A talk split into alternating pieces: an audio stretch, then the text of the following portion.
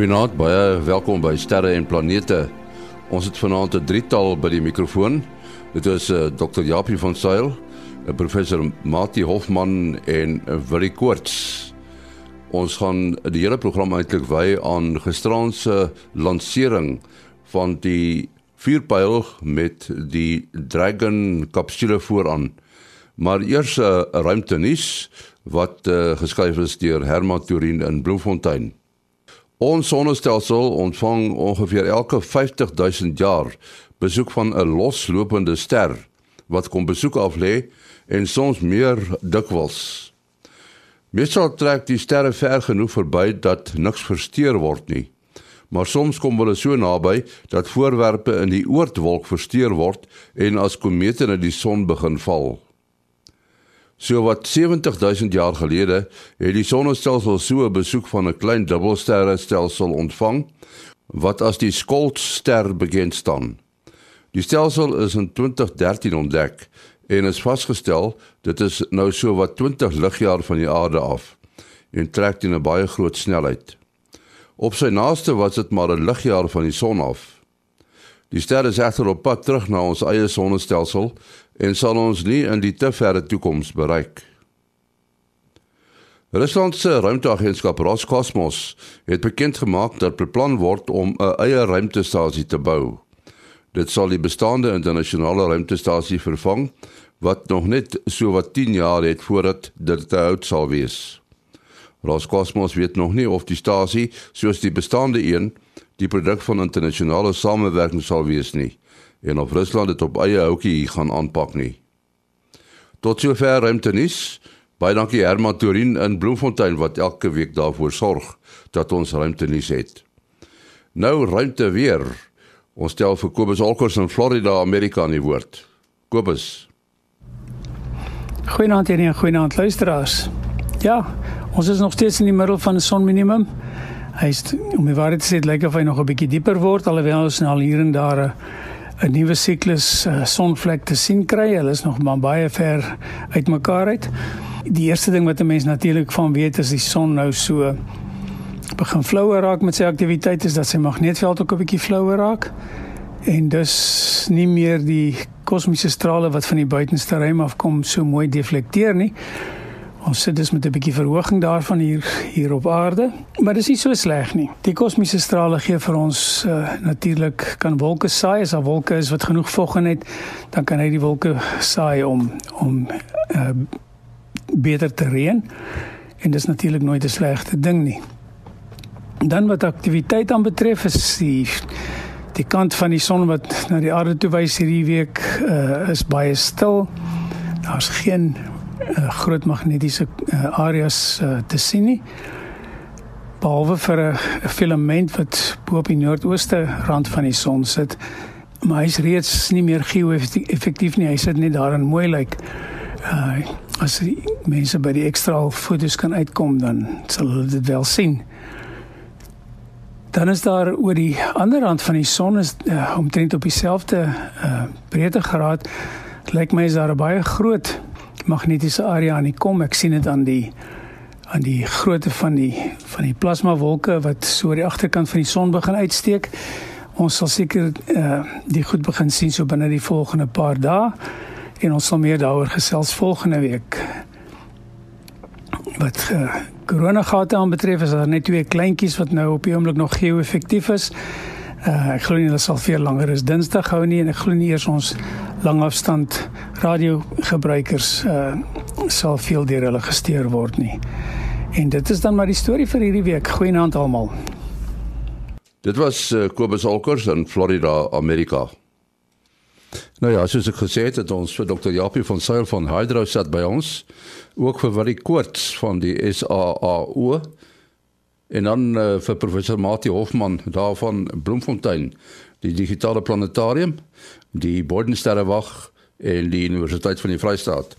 Nou ja, ons het gisterand gekyk na die uh, lansering van die Dragon wat uh, lyk my baie goed afgeloop het en ons het gedink dat ons uh, vanaand 'n bietjie terug gaan kyk na die lansering en alles wat daarmee gepaard gaan. Daarom het ons vir uh, vir Japie by ons vanaand.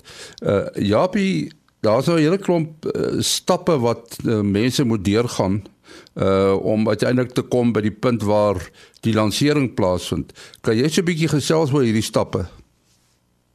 Uh ja, en dit ek moet net sê die uh die lansering het natuurlik vir my baie goeie herinneringe weer teruggebring want uh ek het 'n paar keer in my loopbaan met die met die ou space shuttle gewerk. So dit is nou baie goed om te sien dat ons dan na 2011 nou weer mense hier van Amerika af kan lanseer. En dis natuurlik 'n groot historiese oomblik nou ook. Mense besef dit nie altyd nie, maar dit is die eerste keer in die geskiedenis wat 'n kommersiële maatskappy mense in die ruimte instuur, né? Maar uh soos jy gesê het, daar's baie baie stappe wat deurgegaan moet word voordat 'n mens nou eintlik kan lanseer veral wanneer daar mense betrokke is. Hmm. Nou uh mense sal dalk onthou dat die uh, lansering oorspronklik verlede Woensdag sou plaasgevind het maar uh, dit is toe uitgestel na Saterdag toe.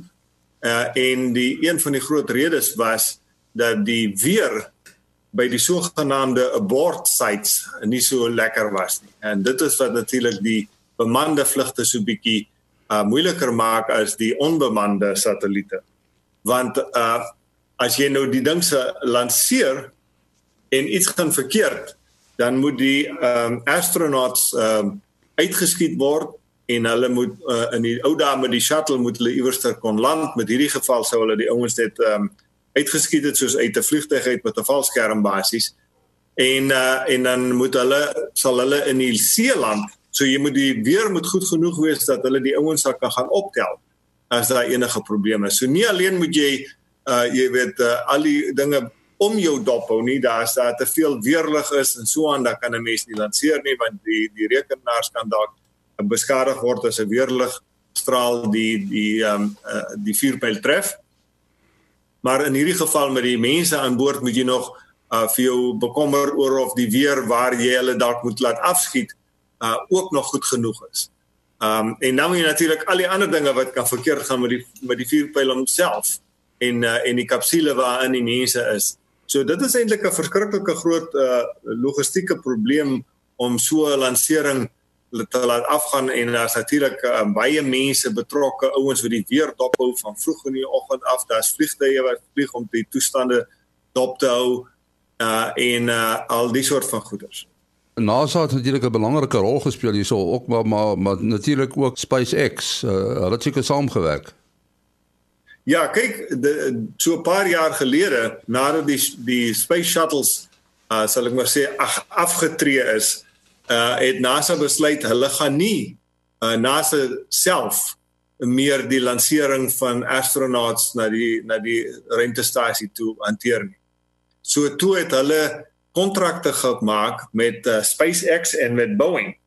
Uh beide het kontrakte om uh astronauts na die space station toe te kan vat. Nou SpaceX het natuurlik nou die reisies gewen. Hulle is die eerste ouens wat nou hulle kapsule in die lug kry. Uh, Boeing het so 'n paar maande gelede hulle toetsvlug gehad en dinge het nie so lekker geloop nie. Uh so hulle het nog so 'n bietjie huiswerk om te doen voordat hulle nou uh hulle onbemande toetsvlug sal ek maar sê het hulle gehad en hulle moet nou so 'n bietjie nog huiswerk doen voordat hulle nou die werklik die um mense in die kapsule sal kan sit uh om op te gaan. Maar ja, dit is 'n groot uh historiese oomblik in die sin dat uh soos jy sê, dit is nou SpaceX. Uh, NASA is natuurlik um baie nou betrokke met hulle vir al gesien die die bemande lede aan boord is en so aan. Uh, so daar's natuurlik nou 'n uh, baie noue samewerking tussen NASA en SpaceX, maar al die ontwerpwerk, al die ontwikkelingswerk wat gedoen is, al die ingenieurswerk en so aan uh, is natuurlik deur SpaceX hulle self gedoen en dan NASA dit dan sal ek maar sê nagesien om seker te maak dat alles reg. Ja, ek dink daar's nou seker mense wat wonder uh, hierdie ruimtevaarders. Hulle is seker getoets vir die virus voor hulle opgaan. Nee, ek is doodseker hulle het hulle toetse deur gegaan. Uh want kyk daar's daar's nie 'n kans om mense terug te bring maklik uh, nou op die oomblik op kort kennisgewing van die ruimtestasie af nie. So ek is doodseker al hierdie manne is baie uh baie 'n hele paar maal getoets om seker te maak dat hulle nie die virus na die ruimtestasie te dra nie want daar's natuurlik drie ander mense op die oomblik twee Russe en een Amerikaner aan boord en, en jy wil soos ek sê jy wil nie die siekte soen toe dra nie uh want uh vir 'n tyd lank toe die space shuttles uh, nog gevlieg het, was dit 'n uh, um, het NASA altyd seker gemaak dat daar nog 'n space shuttle beskikbaar is in geval iets verkeerd loop en jy moes mense gaan red het. Maar op hierdie stadium het ons natuurlik nou nie meer daai uh, sal ek moet sê daai uh, vermoë om so vinnig weer mense te gaan haal as ons moet nie. So uh, ek is doodseker dat dit baie baie um, noukeurige toets. Ja, wat ek wat ek wat ek ook gesien het is dat hulle is in kwarantyne. Al rukkie net voor die tyd lyk dit vir my en een van die goeders wat ek gesien het is laas Woensdag soos jy sê toe dit nie uh, gelanseer het nie het hulle um, het hulle gesê hulle hulle gaan weer hulle gaan weer terug in kwarantyne en daardie virtual hugs wat hulle met hulle familie gedoen het is eintlik baie baie oulik gewees 'n uh, uh, verlede Woensdag en dan en dan nou ook weer Saterdag aand ons tyd nou ehm um, wat hulle uh, so uit die hart van die saak is baie wonderlik vir hulle familie om hulle weer te kan sien so naby maar dit is nog steeds op die op die veilige afstande. En uh, ja iets wat my opgelet het is ook al die mense wat daar rondom hulle werk met maskers aan en so aan en en die mense seker af van uh, dat hulle ook almal getoets moet wees en geen simptome moet wys nie want uh ek meen hulle kan hier op die laaste minuut aansteek by die mense wat hulle uh, in die in die kapsule inlaai en hulle vasmaak en hulle aan die gang kry en so aan ja. Uh, baie keer hoor mense die ouens praat van 'n uh, lanceervenster. Wat presies beteken dit? Maar nee, dit is nou uh die uh veral wanneer in soos in hierdie geval wanneer jy nou hierdie um ouens hier van die aarde af lanceer en hulle moet nou by die ruimtestasie aansluit. Daar's 'n beperkte hoeveelheid ehm um, uh sal ek maar sê vermoë wat jy het om die spoed te reguleer van ehm um, die kapsule waarin hulle nou trek. En natuurlik die ruimtestasie trek teen 7 km per sekonde in sy baan. En jy moet nou hierdie twee as ek reg onthou is dit 19 ure wat hierdie vlug uh, geneem het um, om ja. om by die ruimtestasie uit te kom uh dan moet jy na 19 ure moet jy hierdie twee goeters uh wat teen 7 km per sekonde dan moet trek uh, bymekaar uitbring. So jy werk nou maar die die uh, die pad uit sal ek maar sê van die kapsule van die grond af met die vermoë wat jy het om hom aan te dryf en so effentjies kan jy die spoed verstel maar bitter min. En dis waar daai venster vanaf kom. As jy te vroeg lanseer, dan gaan jy natuurlik verbyskiet voor die ruimtestasie daar is as jy te laat lanseer, dan skiet jy verby nadat hy al verby is. So dis nou waar hy venstertjie vanaf kom. En ehm um, en dis gewoonlik maar redelik beperkte tyd wat jy het want soos ek sê, dis nou nie soos 'n motorkar wat jy kan da uh, bietjie petrol gee en 'n bietjie jy weet 'n uh, sommer uh, heelwat vet gee of heelwat rem aanslaan om seker te maak dat jy daar kan uitkom. Jy het maar redelik beperkte hoeveelheid wie jy dit kan beheer. Dis ek ook opgetel het uit die kommentare is hulle praat van die instantaneous launch window. En uh lyk my in hierdie geval is dit ook uh, te doen met die ontwerp van die vuurpyl en die motore en daai um want hulle daar gesê al is daar 'n hold soos jy sê wat as hulle op 'n kort net die aftelling moet stop vir 'n kort rukkie en weer aangaan kan hulle dit blykbaar nie doen met hierdie uh Falcon uh, uh vuurpyl nie omdat die uh die brandstof en alles moet by 'n sekere uh, temperatuur wees. Dis reg. En, en 'n sekere digtheid te hê om 'n sekere werkverrigting te kan gee. So dit lyk my in hierdie geval is daar nogal uh is is jou beperking jou jou uh, jou vuurpyl self. Ja, so so wat hulle in hierdie geval doen is um daar's 'n sekere tyd voordat jy nou die sogenaamde instantaneous um launch window sal ek maar sê binne gaan. 'n Sekere tyd voor dit bring hulle dan nou die vuurpyl se stelsels tot die regte temperature en uh, nadat hulle sekere kleppe oopgemaak het soos jy sê uh, by en die goeders by die regte temperature is en so aan, dan kan jy dit nie meer afsit nie. So daar's 'n sekere tyd um wat jy as jy by daai tyd gekom het, dan jy dan gaan jy lanseer. Dit dit gaan nou maar net so wees. Ja, uh, ja, uh, wat, wat vir my nou nogal geïnteresseer het, dit is nou baie indrukwekkend met die uh, lewendige uitsending om te kyk hoe vinnig die die SpaceX, die Falcon 4 pyl met die Dragon kapsule uh, spoed en hoogte opgetel het. Uh wat toe het hulle op 'n hoogte van 200 km het die hoogte toe nou eers konstant gebly. Ek dink hy het op drent op daai hoogte gekom na uh so 'n uh, bietjie minder as 15 minute. En net sover ek onthou is die ruimtestasie uh, nader aan 300 km hoogte. Uh so hoe kom doen hulle hoe werk daar die oorgang van die een baan om dan nou op die presies in die ruimtestasie se baan te kom? Maar dit het 'n bietjie te doen met ehm um die die verskillende sogenaamde stages van die van die vuurpyl. Jy het seker gesien ja. Dit was gedurende die die sogenaamde second stage wat hulle daai stukkie gehad het. Uh tipies wat hulle doen is uh jy jy uh brand daai second stage vuurpyl vir 'n ruk. Dan sit hulle hom bietjie af. Laat die ding so bietjie ehm um, dis dis waar ek wat ek bedoel het met jy so dan so klein bietjie beheer. So dan wag jy nou tot die rekenaars nou vir jou uitgewerk het as jy hom nou weer aansit dan gaan jy in die regte bane kom en so aan. Dis omtrent die enigste bietjie van beheer wat jy het. Dis dis een ding en die ander ding is die die stelsels moet so bietjie afvoer. Uh, en so tipies ry hulle dan so vir so dit hang nou af van wat watter vuurpyl dit is. Dit kan so 'n paar minute wees, dit kan uh soms in in sommige gevalle afhangende van die bane kan dit so 10 minute tot 15 minute wees wat hulle so in daai sogenaamde cruise stages en dan sit hulle weer die tweede vuurpyl die twee second stage ja. vuurpyl weer aan. Ja, ek wil vir jou vra Japie, die rol van rekenaars in die hele operasie. Uh, hoeveel van die sending moet mense doen en hoeveel doen rekenaars? In hierdie geval is dit omtrent alles uh, onder rekenaarbeheer. So daar ehm uh, wanneer die ouens sê go, jy jy sal uh, seker onthou as jy die prentjies dopgehou het die twee ouens die astronauts so nou en dan dan druk hulle 'n knop hier en druk hulle 'n knopie daar.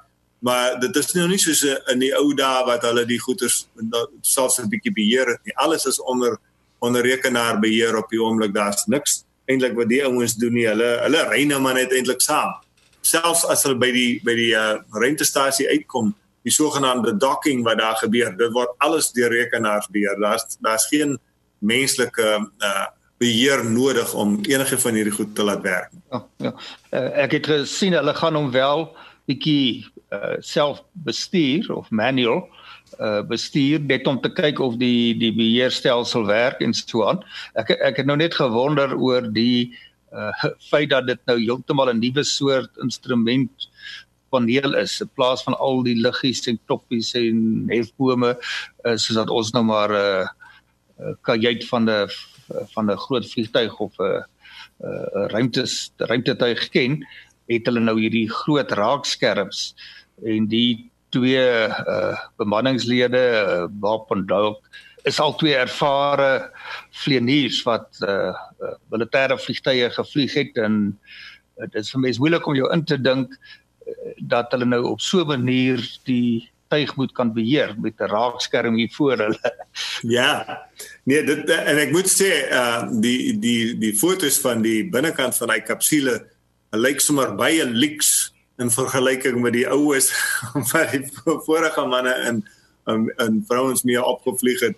Uh dit was baie meer beknop en en soos jy sê uh ou klompe uh, knoppe wat hulle kon druk en skakelaartjies wat hulle kon aan en afsit en so aan maar hulle niks van daai lekker mooi skerms en sulke soort van goeder eintlik gehad nie. Ja, hierdie hierdie kapsule lyk sommer baie baie lyks.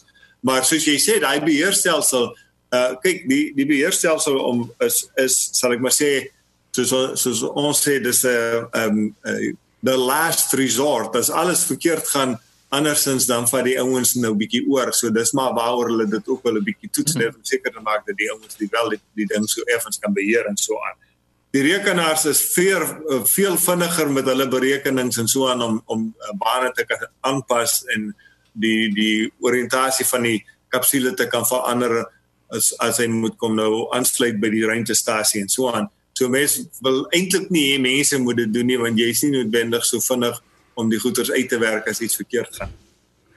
Ja, want dit lyk my dit is juis waar hierdie rekenaarbeheer tot sy reg kom is met die aansluiting by die ruimtestasie self. Die een verslaggewer vroutjie daar gesê sy het nou al 4 keer probeer op die simulator om uh, om te probeer dalk en sy het die vierde keer so amper reg gekry en die outomatiese stelsel doen dit boep boep boep en en en alles werk. Ja.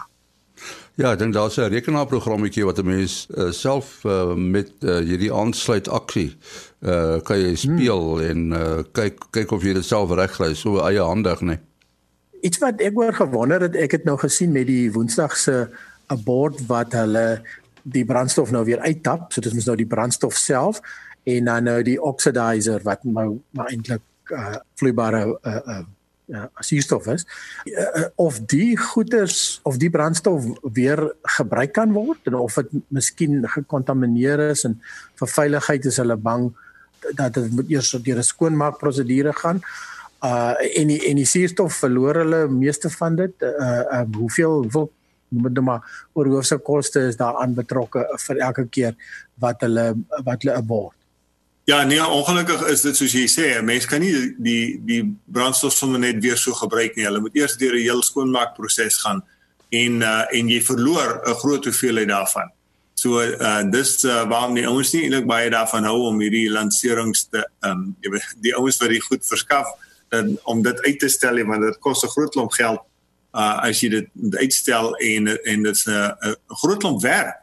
Uh sommige vuurpyle het jy ten minste 48 uur nodig om weer alles reg te kry net om weer te kan lanseer om al deur allei stappe te gaan um voor jy weer kan lanseer. Mense dink jy weet dis nou maar net hoe jy tap gou die petrol in en tap jy ander petrol in. Nee, dis 'n dis 'n redelike groot storie om alles weer te hersirkuleer en reg te maak en nuwe brandstof en sulke goeders in te sit. Ja, dit dis mos nou die uh, die eerste keer dat 'n bemande sending die vuurpyle of die eerste stadium dan weer gaan land nie. Ja, ja, en wat is interessant is natuurlik is uh, hierdie ou uh, hierdie SpaceX uh, mense het nou al redelik daai uh prosedure om die die die first stage te kom land uh geperfek hierso. Nou, maar dit is 'n interessante ding om te sien. Dit is ehm um, dit dit spaar natuurlik vir hulle baie geld om om daai uh deel van die vuurpyl te kan herwin en en uh, dan uh sal ek maar sê hulle hulle herstel hom en uh, kan hulle hom weer gebruik en so op die manier kan jy heelwat koste spaar. Dis een van die redes waarom SpaceX se uh, se lanseringskoste minder is as plekke soos Boeing en so aan. Want hulle ja, ja, nou eers die die sogenaamde first stage en dan kan hulle dit weer gebruik. Ja, die ja, by die syfers wat ek gesien het is dat hulle die uh russe omtrent 85 miljoen dollar per persoon betaal net om hulle uh, ruimtestasie toe te vat en dat met die SpaceX uh, lanserings gaan dit so af na 55 miljoen dollar. So hulle spaar 30 miljoen dollar per persoon. So dit is so 500 mil, 500 miljoen rand. So as jy twee mense opstuur omtrent 'n miljard rand wat hulle spaar. Ja, uh, nee, dit is waar. Alles uh, in in oor die algemeen is die, die hierdie Falcon 9 uh, wat hulle vandag vandag gebruik met hulle uh, hulle sal ek maar sê wat hulle meeste van hulle uh, lanserings mee doen. Uh, uh is 'n is 'n baie goeie vuurpyl, 'n baie kragtige vuurpyl. Ja, en natuurlik baie um wat se regte woord man 'n cost cost effective. Hmm, ja, cost effective. Cost effective. Ja. En uh, cost effektiewe manier om om hierdie lanserings te doen. So hulle daai proses nou al baie goed uh, onder beheer om uh, om hierdie lansering so te doen en en SpaceX het werklik in daardie opsig het hulle 'n baie goeie diens gedoen vir die vir die ruimtebesigheid oor die algemeen want die lanseringskoste het nou baie baie afgekom as gevolg van die feit dat hulle nou so effektief is met uh hoe hulle hulle hulle hele lanseringsproses hanteer. Ek wil net vra, hoe kom jy ouens terug? Hulle kom weer met sulke kapsules terug. Dis die dis die plan. Hulle kom weer met dieselfde kapsules terug. Ja, maar uh, die rasse ja, nou nie met dieselfde ene wat hulle nou mee opgegaan het, maar die wanneer hulle die volgende ouens opvat, uh die die plan is dat hierdie uh kapsules dan een groep ouens aflei en dan lei hulle die ander groep ouens op en bring hulle terug. Ja, maar hoe kom hulle ja, land hulle in die see of uh hoe is dit? Ja. Ja, dit is dit is die plan oorspronklik hulle land in die see. Ek ek het uh onthou so ruk terug was daar planne om te kyk of hulle miskien meer onder beheer dit kan doen, maar dis maar die veiligste is, is om in die see te land. Ja, ja, wat my nou opgewonde maak is daar's 5 sitplekke in daardie Dragon kapsule. So daar was 3 oop sitplekke. nou Elon Musk kom van Suid-Afrika af, jy kom van Suid-Afrika af, so jy kan dalk daai koneksie probeer benut en uh en vir hulle uh, vergesel. Um, ja, ek wag nou maar tot Elon besluit ons gaan nou Mars toe vlieg, dan sal ek hom ompraat om my saam te vat. Hoorie, ons moet ons moet afsluit ongelukkig. Uh, wat is jou besonderhede? Ja, mense kan bel SMS WhatsApp 0724579208. 0724579208. En dan Mati 0836257154. 0836257154. En dan Japie? My e-posadres japiejpl@gmail.com. japiejpl@gmail.com. En uh die e-posadres wat jy moet gebruik om korrespondensie aan die program te stuur is sterreplanete@gmail.com. sterreplanete@gmail.com. Tot 'n volgende keer. Alles van die beste.